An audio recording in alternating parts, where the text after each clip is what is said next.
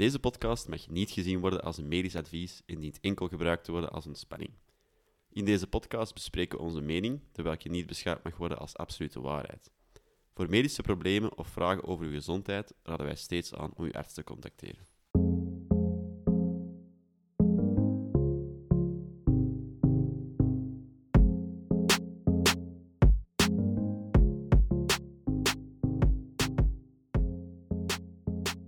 Welkom bij onze tweede aflevering over gezond diëten. Na dieetprioriteiten gaan we vandaag dieper in over welke voedselproducten jij kan inbouwen in een gezond dieet en welke jij best kan vermijden. Hoeveel mag je eten? En hoe krijg je dit allemaal praktisch voor elkaar in een drukke week? Dat en nog zoveel meer in onze tweede episode over gezond diëten.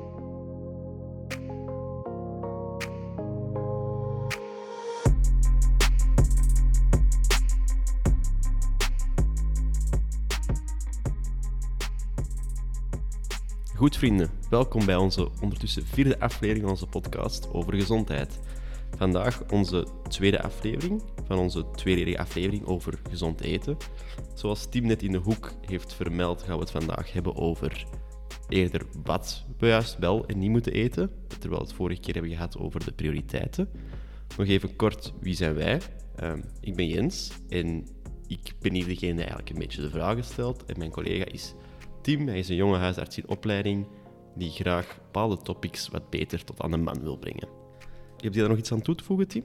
Nee, ik vond dat je prachtig hebt gedaan. Ik stel voor dat we er gewoon uh, recht in vliegen. En ik zou eigenlijk willen openen, vooraleer we direct naar ja, het belangrijke van afdeling de omgekeerde voedingsdriehoek grijpen, zou ik het even een aantal nuances willen meegeven over ja, gezond leven, vooraleer dat we allemaal eraan gaan beginnen en denken oei, dit is allemaal onmogelijk voor mij. Het gaat dus complex worden vandaag. het gaat doenbaar worden. Maar de aandacht moet je er wel bij houden. Maar desondanks, we zijn niet perfect en daar wil ik nog wat over vertellen eerst. Alright. Dus heel veel mensen kijken naar gezond heel absoluut volgens mij. Veel mensen denken iets is gezond of iets is ongezond. Hmm. Hè? Eh, maar ik denk, als je persoonlijk beter wilt worden, dat het misschien eh, interessant kan zijn dat je kijkt naar gezondheid als uh, binnen jezelf en dat je altijd vergelijkt van, is de beslissing die ik ga maken gezonder dan hetgeen wat ik ervoor had? Dus, dus eigenlijk gewoon om eerder kleine te stappen te pakken dan de, de, de extremen op te zoeken, als ik het goed begrijp. Ja, exact. Ik denk dat dat belangrijk is. Want ik denk als je te grote sprong wilt maken en je gaat van alles uh, naar niks of andersom, ja, dat hou je niet vol, denk ik. Ja, dat, is, dat is zo echt het concept van op dieet gaan. Zo. Van, ik ga nu van mijn normale levensstijl naar een supergezonde levensstijl. Voilà. Voilà. En, en iedereen kan zeggen, snackmomenten zijn slecht bijvoorbeeld, maar als jij van een, van een heel ongezond snackmoment gaat, een zak chips, naar ik eet een verse toast met wat hummus of zo, ja, dan heb je al een enorme stap vooruit gebracht. Dus haalbaarheid, consistentie en, en, en beschouwen gezondheid altijd als van, je moet eigenlijk moeten denken, is dit gezond ten opzichte van wat ik ervoor deed? Ik denk dat mhm. dat een goede uitgangspositie is. En eigenlijk dat je vorige keer zei in de vorige aflevering, van die, gewoon opschrijven wat dat je eet, kan daar wel enorm bij helpen. Hè? Want dan ga je echt wel kunnen vergelijken en kunnen zien van welke kleine veranderingen kan ik doen om beter te worden. Ja. Goed, dan denk ik dat we zullen beginnen met, met het algemeen topic van vandaag. Hè? Dus wat moeten we nu juist eten? Ja. Net zoals vorige keer hebben we nu ook terug een afbeelding, ja. de, de, omgekeerde voedingsdriehoek, die we erbij gaan halen. Ja, juist. Maar voordat we daarin vliegen, wil ik nog twee dingetjes meegeven. Eén, als je kijkt naar die driehoek, we gaan er subiet van alle voedingsbestanddelen in zien en dat gaat goed of slecht zijn. Maar besef dat er zijn een aantal uh, soort van ja, key principes dat je moet onthouden. Waar dat eerste is van eet vooral gevarieerd. Het tweede is baseer je op plantaardige middelen. En dan eet of drink zo weinig mogelijk lege calorieën. Dat zijn eigenlijk de drie dingen dat je doorheen die piramide ook um, in, uh, in, gedachten moet houden. Want als jij bijvoorbeeld van die piramide één voedingsbestanddeel dat zogezegd heel goed is eruit gaat kiezen en ga alleen maar dat eten om het heel karikaturaal te schetsen, dan gaat het daar slechter uitkomen. Dat gaat ook niet goed zijn. Dus nee. die variatie is belangrijk. Exact. En je zei ook lege calorieën. Wil je daar nu al iets over zeggen, wat dat is, of gaan we dat voor ze bied houden? Ik stel voor dat we dat houden. Dat, dat is echt een aparte uh, component van de omgekeerde voedingsdriehoek. Dus. Oké, dat is goed. Dan um, gaan we er gewoon aan beginnen. Ehm, net zoals vorige keer gaat ook de afbeelding van de aflevering die omgekeerde voedingsdriehoek worden. Hè, dus je gaat die normaal ook wel ergens kunnen zien. Ehm, maar we gaan uiteraard ook voor de mensen die niet kunnen kijken naar iets, ons uiterste best doen om die keigoed te Ah, beschrijven. wel, je gaat die op onze socials zien, maar ik, ehm, misschien dat ik een link naar de website in de beschrijving van de aflevering kan zetten. Misschien dat dat wel nuttig is. Dat lijkt me wel zinvol. Ah, wel, dat gaan we in orde maken dan. Goed. Dus ik ben die driehoek er zelf aan het bijhalen. Ik heb hem hier voor mij. Misschien even kort toelichten van, eh, van waar komt dat eigenlijk, die voedingsdriehoek? Het ding is, er zijn heel veel onzekerheden over voeding. Ik denk dat we in vorige aflevering het er ook kort over hebben gehad. Hè, over dat het heel moeilijk is om, om, om heel langdurig grote groepen van mensen te observeren. Om dan subtiele verschillen te zien tussen mensen die meer van dit voedingsmiddel gebruiken en mensen die meer van dit voedingsmiddel gebruiken. Dus er is heel veel pseudowetenschap over voeding. En deze driehoek is eigenlijk een soort van best attempt ehm, om de evidentie in die miljoenen en miljoenen artikels samen te vatten naar een werkbaar model voor uw eigen voeding. Dus dat is gebaseerd op, op betrouwbare informatie, maar je moet nog altijd beseffen dat dingen niet absoluut zijn. Is dat iets dat mensen op, is dat iets dat mensen op hun ijskast moeten plakken? Zo die omgekeerde voedingsdriehoek? Zou dat zinvol zijn? Ik denk dat dat heel zinvol zou zijn voor mensen. Dat is een soort van constante reminder. Oké. Ehm, dus we beginnen bij het begin. Hè. Dus de, de brede basis, die nu in tegenstelling tot bij een normale driehoek, staat die van onder. En nu staat die dus eh, bovenaan. En dat is een blauwe balk waar staat drink vooral water. Ja, dus, dus als je, even voordat we op dat water ingaan, als je gewoon globaal kijkt naar die driehoek, dat is dus inderdaad een, een driehoek op zijn kop gezet, hè, de omgekeerde piramide. En, en je ziet ehm, daar een aantal dingen op. Van boven is breed en groen, en van onder is oranje en smal. Mhm. Wat wil dat zeggen? Hoe hoger je in die piramide staat en hoe meer intens groene kleur je hebt, hoe beter dat die voeding is voor jou en voor het milieu. En hoe meer dat je naar beneden zakt en hoe smaller de piramide wordt en hoe meer oranje-rood je komt, vandaar ook het woord minder erbij, hoe minder je ervan moet eten, hoe minder goed het is voor jouw gezondheid. Oké, dat En- is eh, logisch. Hè? Ja. Ja, en dan los daarvan, daarnaast heb je nog de rode cirkel met zo weinig mogelijk. Dat is echt voeding waarvan we denken, of vrij zeker zijn, dat het een schadelijk effect heeft op jouw gezondheid. En dan stel ik voor dat we het nu inderdaad benaderen, zoals je zegt, en dat we beginnen met eh, water. Oké, ja, dus drink vooral water. Eh, Ik zit nu op de website van gezondleven.be, waar ik ook op die dingen kan klikken. Dus als ik op drink vooral water klik, word ik ook al doorgestuurd naar een andere pagina. Ehm, maar oké, we zullen gewoon even eh, niet te diep in die website gaan. Drink vooral water. Heb je daar iets bij te zeggen? Ik denk dat dat wel wat voor zich spreekt. Ehm, ja. Ja, ik denk, drink vooral water is belangrijk. Eén, water hebben we heel veel nodig. Hè. Vocht is heel belangrijk voor ons. Wij, wij bestaan voor een heel groot deel uit vocht zelf. Er is iets dat we blijven nodig hebben, want we verliezen ook constant vocht via onze urine en zweet. Dus je moet dat aanvullen. En we raden concreet ongeveer anderhalf liter per dag aan. Als je sport, moet je meer innemen. Ehm, als je een hevige zweter bent, moet je meer innemen. Maar een anderhalve liter is iets goed om jou op te richten. En dan kun je zeggen van, ja, waarom pakken ze water?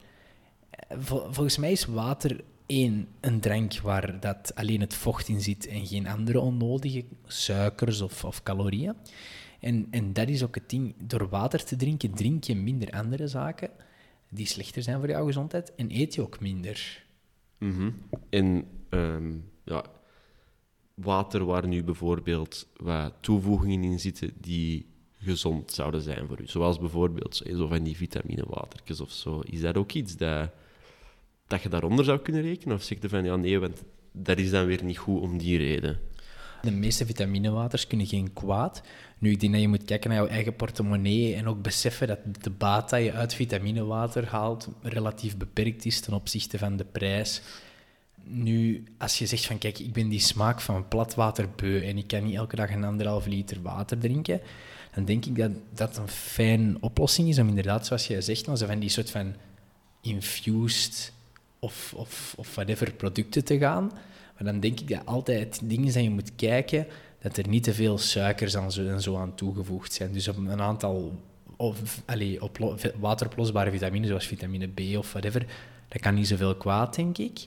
Maar het belangrijkste is dat je vooral kijkt dat die calorieën ineens niet hoog zijn op dat flesje. Want zo heb je weer een verdoken bron van calorieën.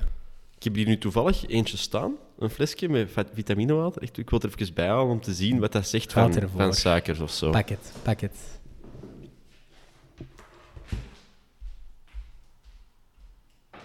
De sound effects van Jens die naar de eh, keuken loopt. Mm. In tussentijd trouwens, beste luisteraars, bij deze podcast hebben Jens en ik gekozen om een glas wijn te drinken. Eh, dit is niet altijd van onze gewoontes, maar ehm, wij kiezen voor dit noodzakelijk kwaad om dit sporadisch ook te drinken. Niemand is perfect en wij ook niet. Ik ben ondertussen wedergekeerd met een flesje Vitamin Well Reload, Aha. waar vitamine P plus D, eh, magnesium, zink met de smaak van citroen ehm, aanwezig is. Mhm. Dus daar zitten heel veel vitaminen in, vitamine D, vitamine E, B12 enzovoort. Ehm, maar laat ons eens even kijken naar de, eh, de waarschuwing die Tim gaf. Van, we moeten zien dat daar niet ineens heel veel calorieën in zitten. Dus ik zie hier staan 85 kilocalorieën, wat op zich meevalt, eh, maar wel 21 gram suiker. Dat is wel Ah, ja, veel. Zie, verdikken. Het is bevestigd. Dat is Nee. wel veel. Hoeveel zit Ja. er in een cola? Ja, een cola is meer. Een cola is per 100, denk ik, al, al, al de helft daarvan of zo. Cola is per 109 gram, dus dat is 45 gram. Dus dat is de helft van een cola ongeveer. Ja, Maar dat- dus als je heel dag vitaminewater zuipt, ja, dan heb je toch wel weer die calorietjes binnen. Oké, dus kijk naar de suikers op de achterkant en zie dat er niet te veel in zitten als je voor zo'n drankje zou gaan. Ja, let Ja. ook met, met, toegevoeg, allee, met, met suikervervangers. Hè. Er, zijn, er is evidentie dat die ook gelijkaardige effecten als suiker in je lichaam hebben. Ehm, dus probeer bij water te houden. Ik denk een goed alternatief is bijvoorbeeld dat je thee zonder toegevoegde suiker drinkt, of af en toe een tas koffie zonder toegevoegde suiker. Ehm, eventueel wat infused, maar dan moeten we weer opletten op de suikers. Dus hou het bij water en de rest komt later. Of, zelf, of zelf misschien iets toevoegen, zoals een citroentje in je Ah, water. Of ehm zo wat munt of, of wat dan ook. Dat is ook lekker, hè? Ik denk Ja. dat dat een, een prima alternatief is, inderdaad, dat je zou kunnen nemen. Maar, Oké, maar genoeg over water, want Ja, eh, ja, laat ons naar water. het grote groene deel gaan. En we zien daar staan ehm, groenten, fruit, brood, volkoren graanproducten en aardappelen. En noten, zaden, oliën en vetten en dan nog peulvruchten. Dus dat, is- dat zijn de dingen die dan eigenlijk zogezegd het gezondst voor ons zouden zijn. ja, ja, inderdaad. Dat zijn dingen die heel gezond zijn voor ons en die relatief milieubewust zijn over het algemeen om te eten. Ik denk, het belangrijkste is, je moet je dieet laten bestaan voornamelijk uit deze delen. Dus echt volkoren, graanproducten inderdaad, en groenten en plantaardige eiwitten, wat typisch inderdaad in kidneybonen, eh, andere, alle soorten bonen inderdaad, in, in tofu, in, in al die producten zit. En er staan nu wel een hoop producten hier tussen. Moeten we dat evenredig verdelen tussen al die producten? Of zeggen we van... Is er, of, of als ik bijvoorbeeld enkel groenten eet en de rest niet, is dat ook goed? Of moet ik wel echt verdelen tussen, tussen die verschillende dingen dat erop staan? Ik denk dat zo een, een, een gouden eh, basisgedachte is altijd dat je verdeelt tussen die producten. Er zijn specifiek voor elke ja, voedingscategorie die in, in dit eh, deel staat, zijn er aanbevelingen over hoeveel je daar best van kan innemen. Maar wat ik, ja, we kunnen ik zou die liever niet één voor één overlopen, maar ik zou zeggen, ga naar die gezondleven.be en naar die voedingsdriehoek. En dan kan je ook echt doorklikken op elke categorie en daar meer informatie over krijgen. Nu, wat ik misschien wel iets over wil zeggen, is, je ziet hier, hier staat olie. Hè? Ja. Olie en vetten. Dat is ook iets waar ik een vraag over zou stellen. Want ja, dat is toch iets waar veel mensen van zouden denken van... Maar nou, dat is toch niet gezond, olie en vet. Ah, wel, ik denk er zijn betere en slechtere vetten. En desondanks die twee is onze maatschappij al heel rijk aan vetrijke voeding. Dus je moet echt voor de juiste vetten kiezen en ook niet in overdreven hoeveelheden. Ik bedoel dan bijvoorbeeld als je kookt, kies dan voor plantaardige vetten, gelijk olijfolie, en niet voor dierlijke vetten, zoals boter of varkensvet of, of iets in die aard. En je moet ook beseffen dat, ondanks dat je die olie of die vetten nodig hebt voor de buitenkant van jouw cellen en van, van alles anders in jouw lichaam, moet je daar ook niet in overdrijven. Ja, oké. Ik heb er ook eens een keer op geklikt. Ehm, en ze zeggen daar ook, hey, verkies die onverzadigde boven de verzadigde eh, vetten. De onverzadigde zijn dan de plantaardige, dacht ik. Of Voornamelijk. voornamelijk. Eh, wat dat mij ook opvalt, en wat misschien ook leuk is om, om mee te delen, is dat die kleuren daar ook terugkomen van die voedingsdriehoek. Als je daarop klikt, dan zie je zo voorkeur, geen voorkeur en zo weinig mogelijk. Zowel voor de onverzadigde als de verzadigde vetten. En dan zie je ook terug die kleuren van rood, oranje en groen. En hey, bijvoorbeeld bij staat wel een voorkeur, maar dat is wel oranje. Dus dat, is dan misschien ook iets dat we dan best niet te veel eten. Ja, inderdaad. Het, het probleem is een beetje dat. Dus eigenlijk, je hebt onverzadigde vetten, verzadigde vetten en transvetzuren. En pff, om heel simpel of heel vereenvoudigd voor te stellen, is dat de structuur van die vetten is anders. En die worden, als je, als je lichaam die gebruikt om die in te bouwen in zijn celbuitenkant, of in de buitenkant van jouw bloedvaten of zo, die, die vetten worden anders ingebouwd en stapelen compacter of soepeler. En, en dat kan zorgen voor ehm, een soort van stijvere wand van jouw cellen of een, of, een, of een meer soepele. En je kan je inbeelden dat soepele meer voordelig is. Nu, dat is oversimplistisch, maar de verschillen in die vetten ligt op basis van de structuur en hoe ze verwerkt worden in jouw lichaam. En het belangrijkste is dat je onthoudt dat je verzadigde en transvetzuren, vooral transvetzuren, probeert minder in te nemen en onverzadigde vetzuren probeert meer in te nemen. Oké, en wat zijn, wat zijn transvetzuren? Transvetzuren zijn specifieke soorten vetzuren die in de natuur niet zo veel voorkomen, die eigenlijk worden gemaakt door eigenlijk de industrie, door eigenlijk bijvoorbeeld bepaalde plantaardige vetten met bepaalde processen kunstmatig hard te maken, dus van een vloeibaar vet een, een smeerbaar vet te maken of zo. Ehm, bewerk je dat op zo'n manier dat die vetstructuur helemaal anders wordt. En die vetzuren stapelen super compact, wat eigenlijk voor heel stijve celwanden en zo zorgt. En dat kan eigenlijk op termijn is dat gerelateerd aan meer ehm, hart- en bloedvatproblemen onder andere. Dus dat zijn echt vetzuren waarvan we eigenlijk vrij zeker weten dat die op lange termijn heel schadelijk zijn voor jou. Oké. ehm, ik heb ook het gevoel dat je nu ook zegt van... Je zegt die vetten zijn minder natuurlijk. En dus hoe dichter dat we bij natuurlijke producten aanleunen, hoe beter. Ik ben van de overtuiging van wel. Ik denk, dat is één, je kunt dat zo een soort van evolutionair gaan bekijken. Van ons lichaam is, is gemaakt om de dingen te verteren die al langer bestaan, waar we al duizenden of miljoenen jaren mee geconfronteerd worden.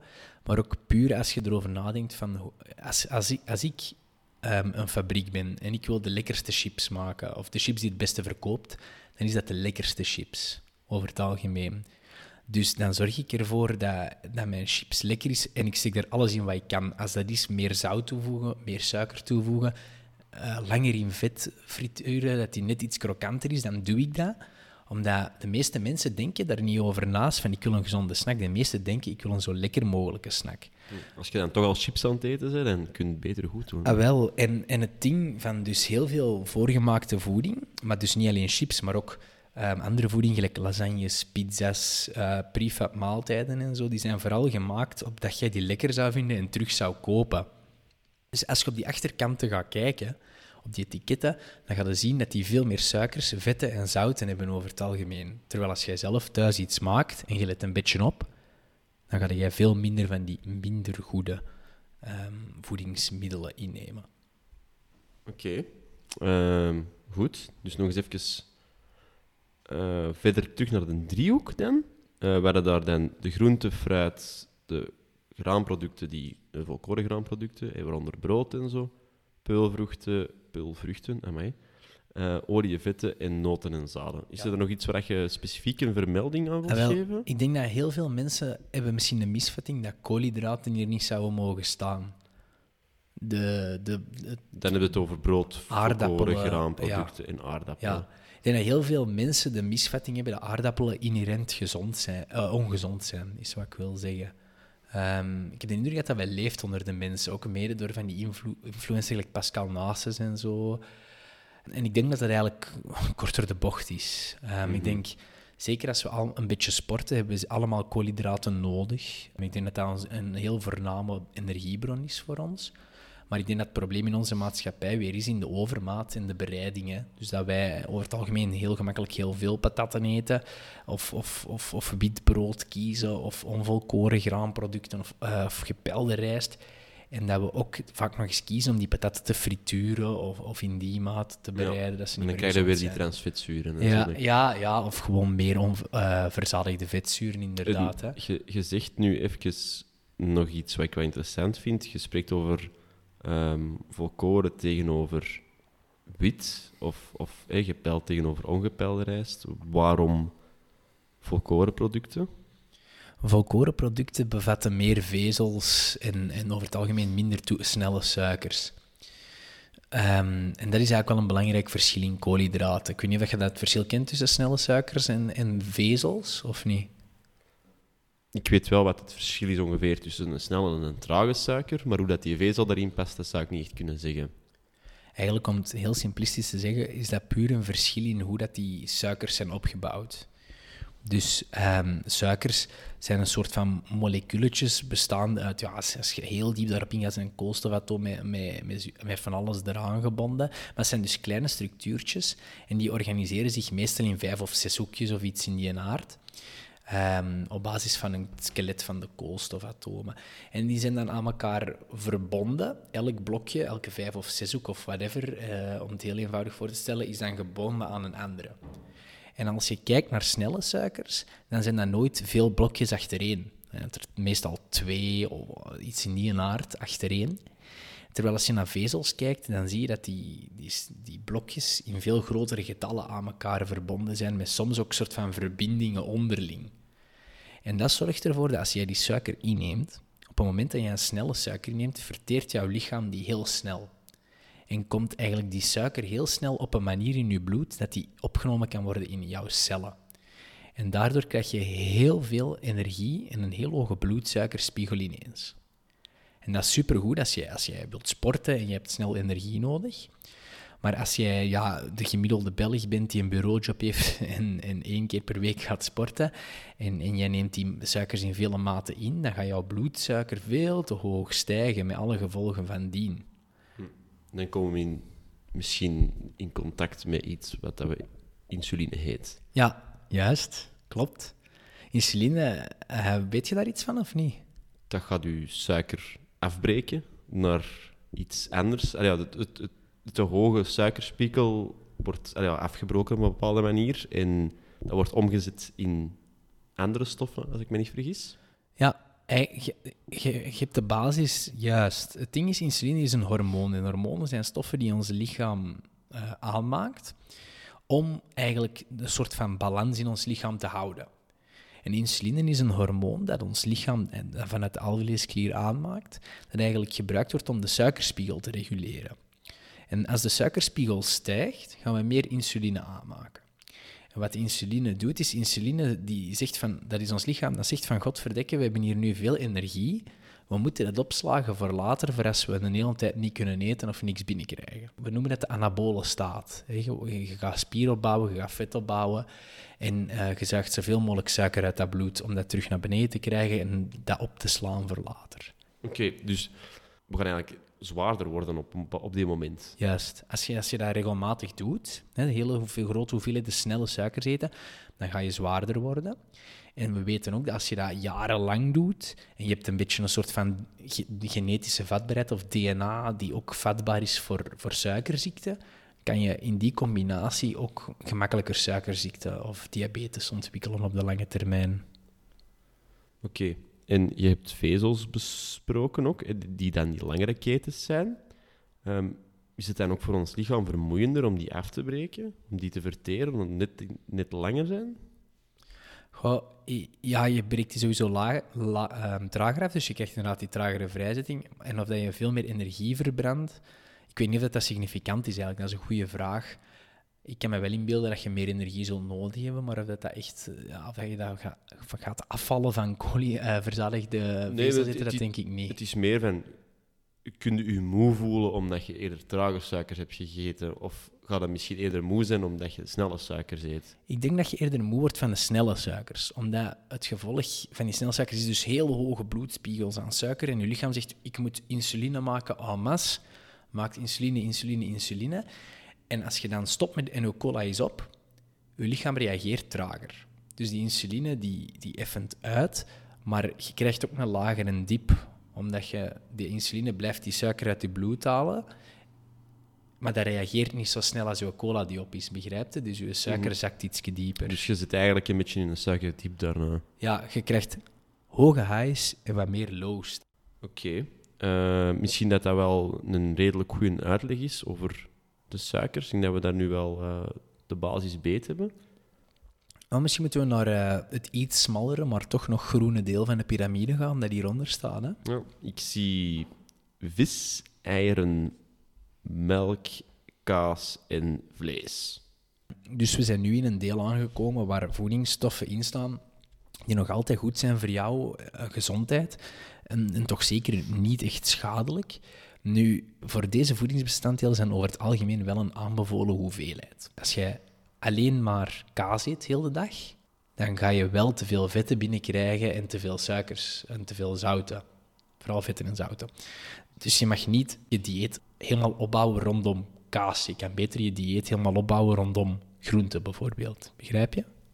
Ik begrijp dat zeker in West. Dus er zitten goede dingen in, maar als we er te veel van eten, dan gaat het niet goed zijn door misschien te veel aan suikers of te veel aan vetten of iets Ja. in die aard. Ja. Het is een Dus beetje een- het met mate eten, maar toch nog, die is toch nog goed voor ons. Exact. Het is een beetje een trade-off, maar er zitten wel positieve dingen in. Ik heb hier nu kaas opengeklikt. Je kunt voor al die voedingsbestanddelen dat verder openklikken en echt gaan kijken. Als je, daar heel, als je zegt van ik lust heel graag kaas en ik wil kaas eten, hoeveel mag ik eten? Dan klikt op die kaas en dan kijkt je op die ehm, gezondleven.be en dan zeggen ze van kijk, kaas, zie gewoon dat er niet te veel vet in zit. ehm, en dan staan er ook hoeveelheden in, en et cetera. Dus klik dat open en bekijk dat. Is eieren juist hetzelfde? Ze, Ik wou net iets vragen over eieren. Want Ja? op zich, het, het advies over eieren... Ik heb daar eigenlijk al heel zelf tegenstrijdige dingen over gelezen. Ja, ik ja. las vroeger altijd van, ja, je mag maar twee eieren of drie eieren in de week eten, want dat is niet goed voor je cholesterol. Eh, en ik heb ook al gelezen van, eieren, dat is echt een superfood, daar kun je er echt veel van eten. En eh, de cholesterol die daarin zit, is eigenlijk niet zo slecht voor u. En bla. Dus ik weet eigenlijk niet goed van waarom, waarom zijn eieren goed en waarom zijn eieren slecht en hoeveel eieren mogen u eigenlijk eten. Ah, wel, je hebt de praktische aanbevelingen ook op die site te vinden natuurlijk, maar wat ik denk van eieren is, eieren is een beetje een voor- en nadeel. Hè. Allee, die hebben goede en slechte aspecten. Eieren zijn heel goed, want die bevatten eigenlijk eh, ehm, heel goede eiwitten, relatief volwaardige eiwitten. Dus ook voor vegetariërs of zo zijn eiwitten heel goed, heel kwaliteitsvol. Ehm, en eiwitten bevatten bepaalde vitamine die voor de rest eigenlijk bijna alleen maar in vlees voorkomen. Dus ook voor vegetariërs zijn eiwitten weer relatief belangrijk. Eh, Wat is minder aan eieren? Inderdaad, zoals je zegt, vooral in de eidooier zit wel wat cholesterol of zitten wat slechtere vetten. Nu, ik persoonlijk ben van de overtuiging dat bijvoorbeeld als jij al geen eh, verwerkt of, of rood of slecht vlees eet en geen, geen dierlijke boters gebruikt, dan kan je al best veel eieren eten voordat je in de problemen komt, denk ik. Nu, voor iemand die ook nog vlees eet en een gevarieerd dieet, denk ik persoonlijk dat ik zou adviseren, en dat is mijn persoonlijke mening natuurlijk, van het ongeveer op maximum vijf eitjes per week te houden.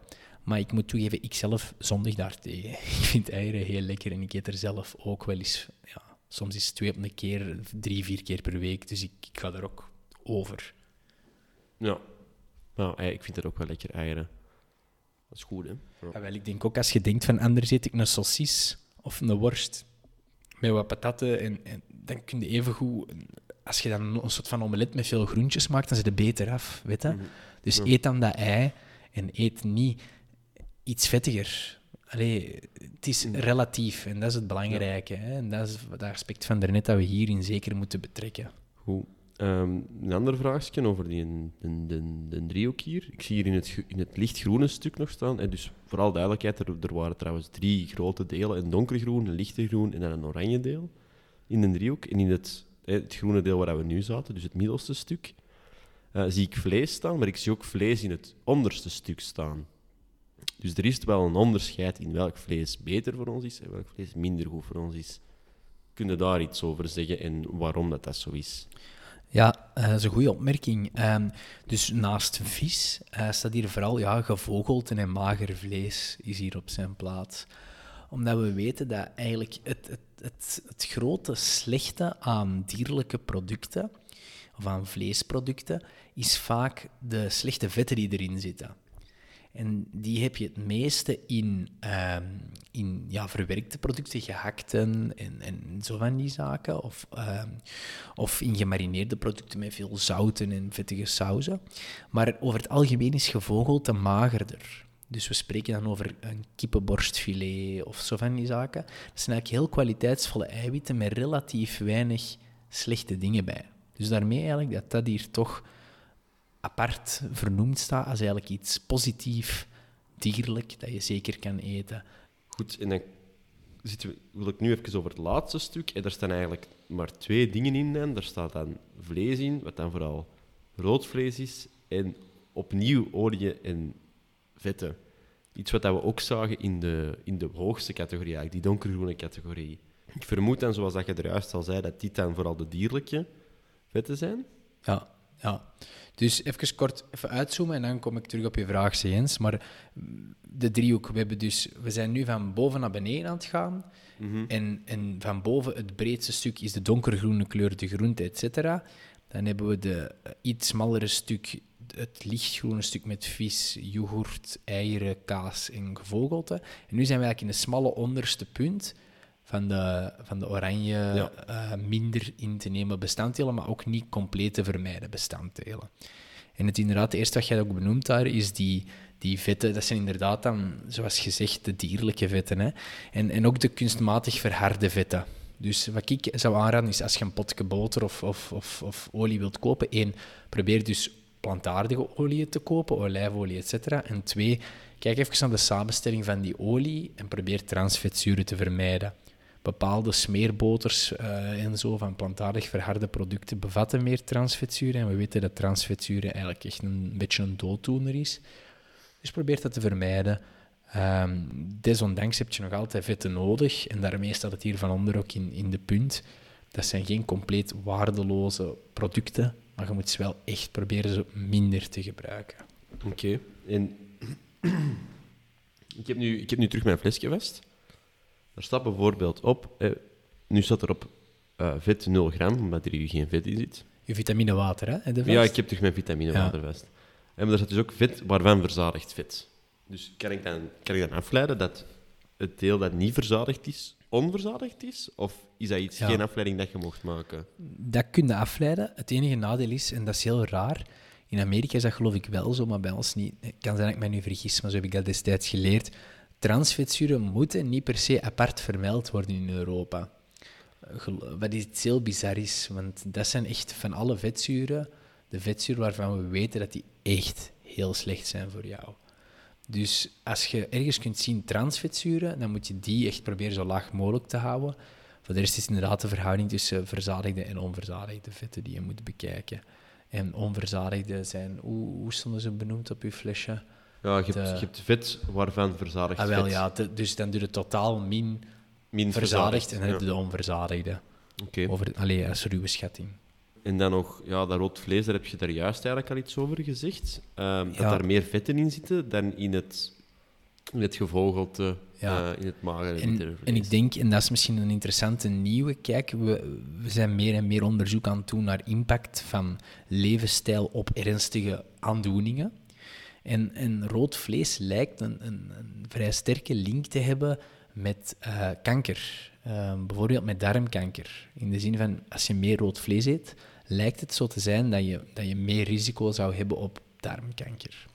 En kun je daar echt zo'n advisering op, op plakken van hoe vaak mogen we nu rood vlees eten? Want er staat hier minder, maar wat, wat is minder? Ah, wel, we eten allemaal graag rood vlees eh, op een barbecue of whatever. Ik denk het belangrijk is dat je probeert naar mager rood vlees te gaan. Hè? Dus zeker niet de gehakte of verwerkte producten of heel gelijk spekken en zo, maar dat je echt gaat naar dan uw biefstukjes een keer of, of, of iets Mhm. in die aard. Nu, concrete hoeveelheden, eigenlijk weet ik niet van buiten. Ik ben natuurlijk geen diëtist, hè. Ehm, hoeveel je daarvan mag eten, maar ik zou dat eigenlijk gewoon gaan opzoeken op gezondleven.be. Ik durf te zeggen dat dat hier eh, erin staat. Ik, ik, ik laat eens voorstellen, ik zou eens voorstellen dat we het aanklikken. Ik We, we klikken het aan en we kijken eens. Ah, wel. Dus ja, eh, het, eh, hier staat geen voorkeur, vers vlees, orgaanvlees. eh, ja, en dan vers gehakt en zo weinig mogelijk kippensalade, kipnuggets, kippenham, dus echt die verwerkte producten. En dan specifiek voor rood vlees staat er voorkeur, maar dat is nog altijd oranje, dus dat is nog altijd liever minder. Ik heb een, ik heb een specifiek iets gevonden. Zeg het eens. Eh, daaronder, als je naar onder scrolt, staat er hoeveel vlees mag je eten. Mhm. En dan heb je de, de, de, geho- de Hoge Gezondheidsraad die daar een Ja, advies geeft. En die zegt maximaal 300 gram rood vlees per week en maximaal 30 gram bewerkt vlees per week. Dat is wel heel weinig, 30 gram. en ook 300 gram. Ik denk dat veel Vlamingen in één avond dat erdoor jassen. Ja, ja als je een heel goede, als je een goede steak eet, dan heb je Ja. wel 300 gram rood vlees binnen. Wel, misschien moeten we daar aan ons proberen richten. Dat lijkt mij ook wel redelijk, En één avond per week een, een goede biefstuk. Bijvoorbeeld. Ja. Ja. Maar plant het dan op een moment in het weekend dat je een barbecue hebt. Hè. Je moet je een barbecue niet ontzeggen, eh, maar eet dan die andere avond iets kip of is, of is iets van eh, vegetarisch, eiwit of vis. Vis is ook lekker op een barbecue. Hè? En er staat nu maximaal 30 gram bewerkt vlees. Wat van bewerkt vlees, dat is dan, is dat dan ook gehakt en zo? Ja, ja Dus ik denk dat wel. Ik zou dat wel zeggen. Zeker gehakt met zout in en eh, al die een troep gehakt, zou ik zeker het koolruit en de lijzen gehakt en zo, ik zou ik er zeker bij rekenen. Ja, ze, ze hebben echt een, een, een categorie. De rode categorie heet ook echt bewerkt vlees. En daar valt dan gehakt net niet onder, want dat valt dan onder geen voorkeur. Maar dat is dan echt ja, de, wel spek, salami, eh, wat zie ik nog staan, rauwe ham, gekookte ham, beuling, hespenworst, paté. Eh, ja, oké. ja. En- en- en noem- Ga maar zo maar Ah, verder. wel, ik denk het allemaal inderdaad rommel is. Nu, met gehakt zou ik ook wel echt opletten. Als je in de koolruit je gehakt gaat kopen, er zit vaak zoveel zout en zo in. Dat, dat ergens, je kunt dat, eh, een beetje persoonlijke voorkeur hierin plaatsen of in de zo weinig mogelijk rode bol buiten Mhm. de driehoek, denk ik. Oké, we gaan subiet overgaan op de zo weinig mogelijk. Eh, maar ik zou toch even het intermezzo willen plannen voor de mythe van de week, anders gaat het, gaat het iets te lang duren. Let's go. Ehm, dus ik denk dat het tijd is, is voor de mythe van de week. Ehm waar dat ik zie hier staan. Ehm, We scripten niet alles, jongens, maar de mythe van de week ehm plannen we wel op voorhand.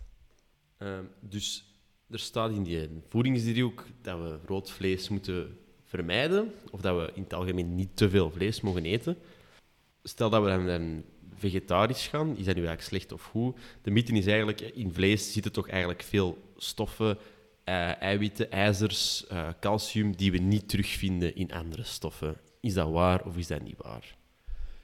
Eigenlijk met bijvoorbeeld te zeggen ei- eiwitten en ijzer, dat je al heel veel inderdaad aanraakt van, van waar dat rood vlees voordelen in heeft, dat andere voedingsstoffen minder heeft. Nu, het is niet zo absoluut zoals jij het verwoordt. Het is zo dat de, de eiwitten in vlees en rood vlees, ehm, dat zijn eigenlijk spieren van dieren. En je kunt intuïtief begrijpen dat die hun spieren veel harder op ons lijken dan een stukje boom op onze spieren lijkt. Ja. Dus, dus door een minder aantal gram van dierlijke spieren te eten, of dierlijke eiwitten, kan jij zelf meer spieren maken dan voor dezelfde hoeveelheid eiwitten dat jij inneemt van een boom, bijvoorbeeld. Omdat er in die boom bepaalde aminozuren net iets minder zitten, waardoor dat jij niet elke aminozuur of elke bouwsteen in die boom optimaal kan benutten. Ja. Dus daarom zijn de eiwitten van dat vlees wel goed eigenlijk. Exact, exact. Nu, het andere is dat ijzer dat je aanraakt. Ehm, dieren bewaren ijzer in hun lichaam op een heel gelijkaardige manier als wij. Terwijl planten doen dat anders. Dat gaat over de omliggende structuur die wij ja, de heemstructuur noemen. Daar gaan we nu niet dieper op ingaan, maar concreet dus, we kunnen ijzer dat we van, van dieren innemen, kunnen we veel eenvoudiger opnemen in ons lichaam dan ijzer dat we via planten opnemen. Dus weer, je moet veel meer plantaardig ijzer eten voor dezelfde hoeveelheid ijzer in jouw bloed te krijgen als dat je dat van dierlijk ijzer moet innemen. Dus, dus dat is gewoon een heel efficiënte manier om die dingen binnen te krijgen. Vitamine B12 is ook zoiets. Dat is iets dat eigenlijk vooral alleen bij dierlijke producten binnenkomt. Maar er tegenover staat een trade-off van die slechte vetten en die link met kanker en bla bla bla. Dus je mocht er niet in overdrijven. En vegetarische mensen die kunnen dat perfect compenseren op voorwaarde dat ze een beetje goed variëren in hun voeding en voldoende van die bonen en eiwitten eten. Of dat ze grijpen naar de, de nieuwe vervangproducten. Mhm.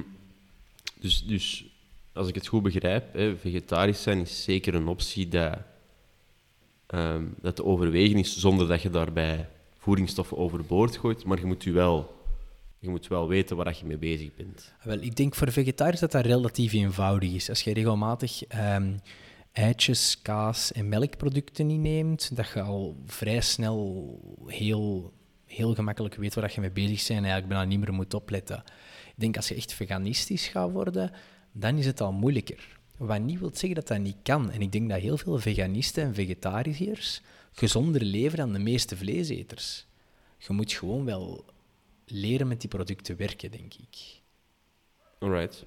Goed, dat was een interessant intermezzoke. Ehm ik denk dat we nu nog heel even snel teruggaan naar de driehoek en even kort bespreken nog eh, de, de categorie die eigenlijk buiten de driehoek valt. Het is eigenlijk een rode cirkel die naast een driehoek staat. En daar staat eh, zo weinig mogelijk. En ik zie daar al afbeeldingen staan van pizza's, frieten, chips, eh, alcohol, ehm, koekjes, chocolade enzovoort. Dus dat zijn eigenlijk de dingen waarvan de meeste mensen wel weten dat ze, dat ze slecht zijn. Ja, zijn er hier verrassingen voor u? Dat vroeg ik mij eigenlijk af. Er is één verrassing. Zeg het eens. Een waterijsje staat daarin. En het, het is maar omdat ik daarover laatst over bezig ben, ben geweest met iemand. In waterijs zit eigenlijk bijna geen calorieën. Dat is... Dat, ja, ik had het gevoel dat hij eigenlijk niet zo heel veel kwaad kon dat je dat at. Ah, dat zijn, het ding is, wat zit er in die cirkel? Dat zijn lege calorieën. Dat zijn gewoon calorieën die dat alleen maar energie geven aan je lichaam, zonder iets extra van meerwaarde. Dus geen fundamentele bouwstenen, gelijk die eiwitten dat we besproken, of vetten die we nodig hebben voor onze cellen op te bouwen of zo. Maar gewoon lege calorieën. Dus een lege calorie is eigenlijk gewoon puur energie waar dan niks bij Ja, zit. dat is energie waar het lichaam voor de rest niks mee kan doen. En is dat, is dat altijd een... Is dat dan een, een energie in de vorm van een snelle suiker? Of, of hoe moet ik dat juist zien? Vaak wel, hè. Ehm, waterijsje is daar een concreet voorbeeld van. Van hoe dat eigenlijk een waterijsje is water met snelle suikers in en wat smaakstoffen. Dus daarom dat dat niet zo gezond is en hier staat. Maar buiten die calorierijke dingen staan hier ook andere voedingsmiddelen in. En wat je bijvoorbeeld zou kunnen, zou kunnen zien, is dat helemaal in het midden staat dat zoutvatje er ook echt. Ik wou, ik wou juist even over... Dat was het tweede waar ik het over wou zeggen. Er staat hier zout, keukenzout, kruidenmengeling of bouillon op basis van zout. Ehm, is zout dan zo slecht voor ons? Je moet me niet verkeerd verstaan, we hebben zout nodig. Hè? Zout is een belangrijk mineraal dat in ons lichaam gebruikt wordt voor heel veel zaken. Het regelen van de bloeddruk is daar één van. Nu, het probleem is dat in onze huidige maatschappij, we koken graag met veel zout, maar ook in heel veel producten die we inkopen van de winkel of broodjes onder de middag of ik weet niet wat, zit al heel veel zout. Waardoor dat wij eigenlijk al veel meer zout innemen dan we in de natuur zouden vinden. En, en, en dus is de valstrik dus in, in te veel zout innemen, dat dat leidt tot hoge bloeddruk en zo van die zaken. En dat geeft op lange termijn wel echt gezondheidsproblemen. Dus daarmee dat zout hier staat, je, je kan dat best echt beperken. En eigenlijk zou je naar een totale zoutinname moeten kijken van ongeveer een vijftal gram per dag. Dat is bijna niks Dat is eigenlijk. echt heel weinig. Dat is echt opvallend. Als je gewoon eens één dag zou kijken naar zout, natrium of zout, op al jouw voeding die je inneemt, je zal zien, je hebt geen overschot om je, je eten bij te doen. Als je meer zweet, kan je natuurlijk een beetje meer innemen, maar toch gevaarlijk. Oké, dus iets waar we ook mee moeten opletten, dat is zout. Omdat dat toch Yes. wel... Ja. Zeker wel, zeker wel. Ja, en je ziet hier ook eh, bepaalde echt verwerkte vleesproducten staan. Hè. Je ziet hier eh, de salami, de saucissen, de aperitief, worsten, de, de spekken. Alles wat dat ik graag eet, staat hierin. Alles wat dat jij graag eet. Dus- En ook wat jij graag drinkt. Hè? De alcohol staat er ook tussen. Ja, de drank. Ja, we hebben voor deze episode dus een glas eh, wijn. Als, je, als deze foto toch, er is een foto getrokken op onze socials zou komen, eh, niet verschieten. We zijn niet perfect en we hebben een glas wijn gedronken. Ehm, We gaan daar niet op afgerekend worden. nee, ja. Nee. En, en dat is denk ik ook de boodschap dat je moet meenemen. Ik denk, als je kijkt naar deze rode bol met, met de zo weinig mogelijk in te nemen voedingsstoffen, dan staat er zo weinig mogelijk. En er staat niet niet. Dus we mogen nog altijd af en toe een keer genieten Ja. en ons eens laten gaan. Ik denk, het belangrijke is, wat je moet doen, is je moet, je moet deze voedingsdriehoek en deze gezondere voeding integreren in jouw dagelijks leven. Maar op het moment dat je een feestje hebt, of dat je, dat je met vrienden afspreekt, of die zomerse barbecue hebt, leef je leven en geniet een keer. Want dat gaat er alleen maar voor zorgen, volgens mij, dat je beter volhoudt met de Mm. rest. Oké. Goed, eh, ik denk dat dat het is qua de driehoek. Ik heb daar zo nog nu een paar aparte vraagjes van over, over dat gezond eten eigenlijk. Eh een van die vragen is ehm Nutri-score. Is eigenlijk iets wat we ook altijd terugzien op voeding. Eh, is dat nu iets betrouwbaar? Is dat iets waar we kunnen op afgaan als we voeding kopen? Of moeten we juist op iets anders letten als we onze voeding gaan kiezen in de winkel? Ja, Nutri-score is een, een soort van middel, maar dat is verre van perfect. Hè. Ehm, ik denk, je, moet op een, je kan dingen niet perfect doen. Hè. Dus op een bepaald moment ga je moeten kiezen naar iets dat je werkbaar kan, kan doen zonder te veel tijd te verliezen. Wij hebben allemaal een job of wij studeren of, of wij hebben wel belangrijke bezigheden. Dus, dus je moet een soort van werkingsmechanisme voor jou uitvinden, waardoor dat jij een onderscheid kan maken tussen ongezonde en gezonde voeding. Mhm. En ik denk dan dat een soort van basisbegrip aan de hand van de omgekeerde piramide, dat dat het belangrijkste is. Gevolgd door dat je in de winkel, als je twijfelt tussen bepaalde producten binnen bepaalde klasses, dat je de Nutri-score erbij kan halen. Vooral Ja. dan bij ongezonde voeding, bij koekjes of zo, dat je kijkt, dit is een koekje met Nutri-score C en dit is een koekje met Nutri-score E. Meestal gaat dat koekje met Nutri-score E veel ongezonder zijn voor jou dan dat met C. Dus binnen een bepaalde klasse is dat nuttig om dat te vergelijken, die Nutri-scores. Ja, ik denk inderdaad eerst het piramide en dan in de tweede tijd de Nutri-score, dat dat wel goed is om te gebruiken. En moeten we ook echt een etiket gaan lezen? Moeten we echt naar de achterkant gaan kijken en zien hoeveel koolhydraten, hoeveel suiker, hoeveel vetten? Ja, ik denk, ja, dat is afhankelijk van hoe goed je het wilt aanpakken en hoeveel tijd je echt hebt. Ik denk, ik denk het, is, het is ongezond om van elke voeding die je koopt neurotisch het etiket helemaal te gaan disseceren. Zo, je, zo maak je van voeding iets heel wetenschappelijk en iets droog. En voeding is nog altijd volgens mij een moment dat we mindful moeten beleven en, en genot in vinden, ondanks dat op een gezonde manier te moeten proberen doen. Nu, als je twijfelt, draai het om en kijk naar die paar dingen waarvan we weten dat ze niet zo goed zijn. Kijk naar zout, transvetzuren, snelle suikers, onverzadigde vetzuren. En als dat allemaal meevalt, ja, laat het in. Maar de volgende keer als je denkt om die voorbereide lasagne eens mee te nemen, kijk eens en je zult verschieten van wat daar allemaal in zit en beseffen van oei. Of als je denkt, ik ga een glas cola drinken, ehm, pak je bus cola, kijk eens hoeveel gram in een glas zit en beeld u dat in in hoeveel klontjes suiker dat, dat zijn. En je zult verbaasd zijn van wat in die producten in zit. Ja, en de, de referentieiname staat daar ook altijd bij. Hè?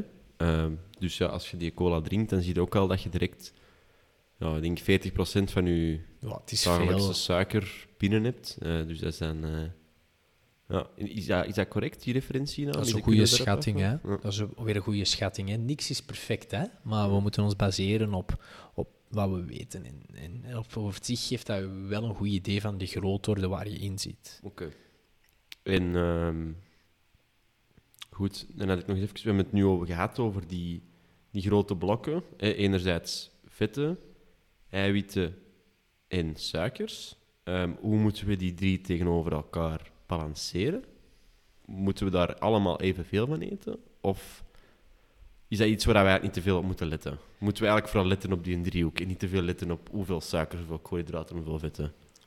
Ik ben van de opinie dat je moet variëren en dat je dat meestal wel komt. Nu, als jij bepaalde bijzondere activiteiten of doelen hebt, bijvoorbeeld, je, ik heb een vriend ehm, en dat is een ultrarunloper. Ehm, of, of ik heb vrienden die daar eh, heel hard in de fitness actief zijn of zo. Die moeten hun samenstelling anders maken. Die mogen veel meer, eh, die een ultrarunloper mag bijvoorbeeld veel meer koolhydraten eten en kan best ook ietsje meer eiwitten eten. En die fitnesser die kan beter iets meer eiwitten eten dan iemand die alleen zijn bureaujob doet en niks doet. Maar ik denk dat dat heel moeilijk is om, om die samenstelling objectief te maken. En als je daar echt meer over wilt weten, dat je dat best samen met een diëtist kan doen, denk ik. Oké. Ehm, dan, we zijn nu echt al wel lang bezig ondertussen, dus ik wil stilletjes afsluiten, maar nog even kort één ding. En dit is meer de praktische toepassing, die we toch ook een beetje beloofd hadden in deze Ja. aflevering, is hoe kunnen we nu ah, die, die tips, ah, die, die, die zaken eigenlijk ja, verwerken? Hoe kunnen we nu eigenlijk dat gezond gaan eten? Dus misschien dat we zo wat ja, receptjes of zo kunnen aanhalen en zeggen van... Ja, hoe kunnen we dat nu verwerken? Ja. Ah, Wel, ik denk dat het belangrijk is dat, dat je eigenlijk plant op voorhand. Dus dat je inkopen doet voor een aantal dagen op voorhand. Dus dat je zegt van ik ga zondag of maandag winkelen of welke dag dat past voor jou en je koopt voor drie, vier, vijf dagen op voorhand. Afhankelijk van wie je georganiseerd krijgt. En dan plan je, door dat in te plannen, hou je je gemakkelijker aan die, die gezonde recepten die je dan maakt. Nu, het is niet gemakkelijk voor velen van ons, voor mij ook niet, om, om blijvend met interessante recepten te komen. Zeker niet met gezonde producten, dan moet je soms wat creatiever mee werken dan, dan van die voorverwerkte producten. Dus dan zou ik willen refereren naar Zeker Gezond. Zeker Gezond is een site, eh, weer gebaseerd op de Vlaamse overheid, waar je ook bij komt of kan geraken via ehm, onze website van daarnet, gezondleven.be en de voedingsdriehoek. We gaan die ook nog wel eens vermelden in onze beschrijving. Ah, wel, zo, hè, ah, wel, we zullen dat doen. En, en Jens, ehm, misschien kun jij, je hebt dat nog nooit gezien, wat zie je op die website?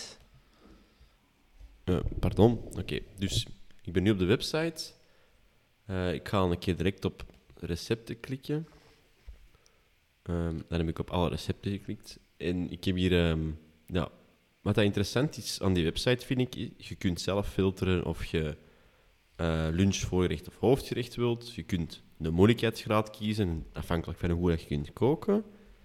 Ehm, je kunt zelf ook instellen wat je de bereidingstijd ongeveer wilt budgetvriendelijk kun je ook aanvinken.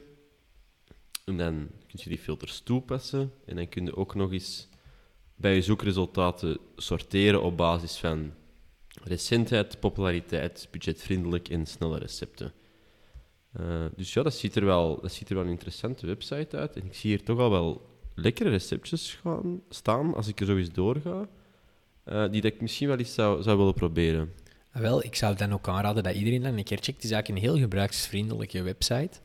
En, en je kunt er dieper op ingaan. En je hebt zelfs van die applicaties, geloof ik, dat je ook die, eh, dat recept kunt laten integreren in een boodschappenlijstje. En ook een concrete tip van mij is, maak dat boodschappenlijstje dus goed op voorhand, zodat je in de winkel komt en niet verleid wordt door kortingen of door, ehm, door eh, slechte producten, maar dat je echt gewoon je boodschappenlijstje met een gezonde maaltijden die je voorheen hebt bedacht koopt en gezonde snacks die je hebt ingepland, zodat je niet met veel troep naar huis komt. Ja. ja, ik zie echt veel variëteit staan in die website. Dat is, eh, dat is wel de moeite, denk ik, om eens, om eens te, te bekijken. Ja. Zeker gezond. Zeker gezond.be. Voilà. We zullen het toevoegen en als je eens geen inspiratie hebt en je wilt gezond eten, kijk eens naar die website en je gaat zeker iets vinden. Yes. Waar Eh. moeten we het dan nog over hebben, Jens? Ik denk dat we eigenlijk eh, klaar zijn, bijna. Goh, ik, eh, ik zou durven zeggen van wel. Ehm, er is natuurlijk altijd nog één ding dat we moeten doen op het Tum, einde van de aflevering. Het is tijd voor de tips van Tim. De tips van Tim. Goed, eh, we gaan er gewoon direct aan beginnen. Ehm, Let's go. Geef mij de eerste tip. Water. De rest komt later. Oké, weer al een, rijmpje. Oké, Tim. Eh, tip 2. Geen rijmpje meer. Ehm, gebruik de voedingsdriehoek en een, ja, in tweede tijd de Nutri-score om te kijken naar hoe gezond een, een voedingsproduct is dat jij wilt kopen of eten. De derde tip. Vooraleer je begint en je wilt je leven op een positieve manier op vlak van eten veranderen, schrijf die twee weken op wat dat je eet en kijk met de voedingsdriehoek ernaast van, tja, welk, welke voedingsstoffen neem ik allemaal in en welke passen waar in de piramide, om dan de rode en de oranje te proberen aanpassen met groene. Oké. Ehm, vierde tip. Ga naar zeker gezond. Probeer die recepten. Er zijn er zoveel. Er gaan er zijn die, die je lekker vindt. En substitueer één of twee van die ongezondere maaltijden per week om te beginnen door die maaltijden. En je gaat gezonder leven. Je gewicht, dat hangt van je calorieën af, maar je gaat gezonder leven en op lange termijn gaat je minder ziek zijn. Oké, en de laatste tip. Plan jouw maaltijden voor een week en koop op voorhand gezonde voeding en gezonde snacks in. Doe dit voor zoveel dagen als jij rondkrijgt. Drie tot vijf dagen is denk ik een ideale uh, hoeveelheid om voor te bereiden.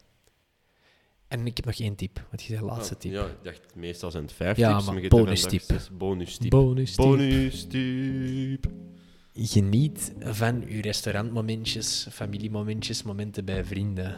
Drink dat glaasje wijn, eet een barbecue met uw rood vlees en geniet van die momenten. Zo gaat het veel beter volhouden. Dat vind ik een goede tip. Hè? Goed, um, dat is dan weer onze aflevering voor vandaag. Um, dank u voor het luisteren, als jullie tot het einde hebben volgehouden. En als jullie het goed vonden, uh, laat zeker rating na op Spotify. Eh, dat zorgt er ook voor dat wij beter bereik hebben. Maar nog belangrijker, deel als je wilt eens een keer onze podcast op je socials. Want wij merken is Jens en ik, we hebben geen budget. En, en wij adverteren altijd via onze eigen socials tot vermoeiens toe. Maar wij bereiken altijd dezelfde mensen. Dus het zou heel fijn zijn als je op je Instagram of zo dat eens een keer kunt delen. Uh, want we merken dat we nu heel veel dezelfde mensen bereiken. Die komen wel terug. Maar we zouden nog andere we mensen willen bereiken. We, we willen groeien. Oké, okay, um, misschien ook al iets zeggen over, over de special die we klaar hebben staan, of nog niet? Oh ja, de special episode. Ja. Tel hem. Uh, dus um, misschien even kort toelichten. Na onze aflevering over mentaal welzijn hebben we uh, ja, wat ge gesprek gehad eigenlijk daarover. Dat we eigenlijk wat nuance misten op bepaalde vlakken. Um, en we hebben een keer een psychiater of een psychiater in opleiding uitgenodigd um, om eens met ons te komen spreken. En we gaan het dan nog een beetje over mentaal welzijn hebben, maar ook over psychiatrie. En een keer zien van ja, welke um, vooroordelen leven er eigenlijk over psychiatrie en daar eens over spreken. Is dat correct, is dat niet correct? En wat mythes die bunken enzovoort. Ga jij pas antwoorden, gaat dat wel zien. Goed, daar gaan we het op afsluiten. En dan bedank ik iedereen voor het luisteren en tot volgende keer. Tot snel, guys.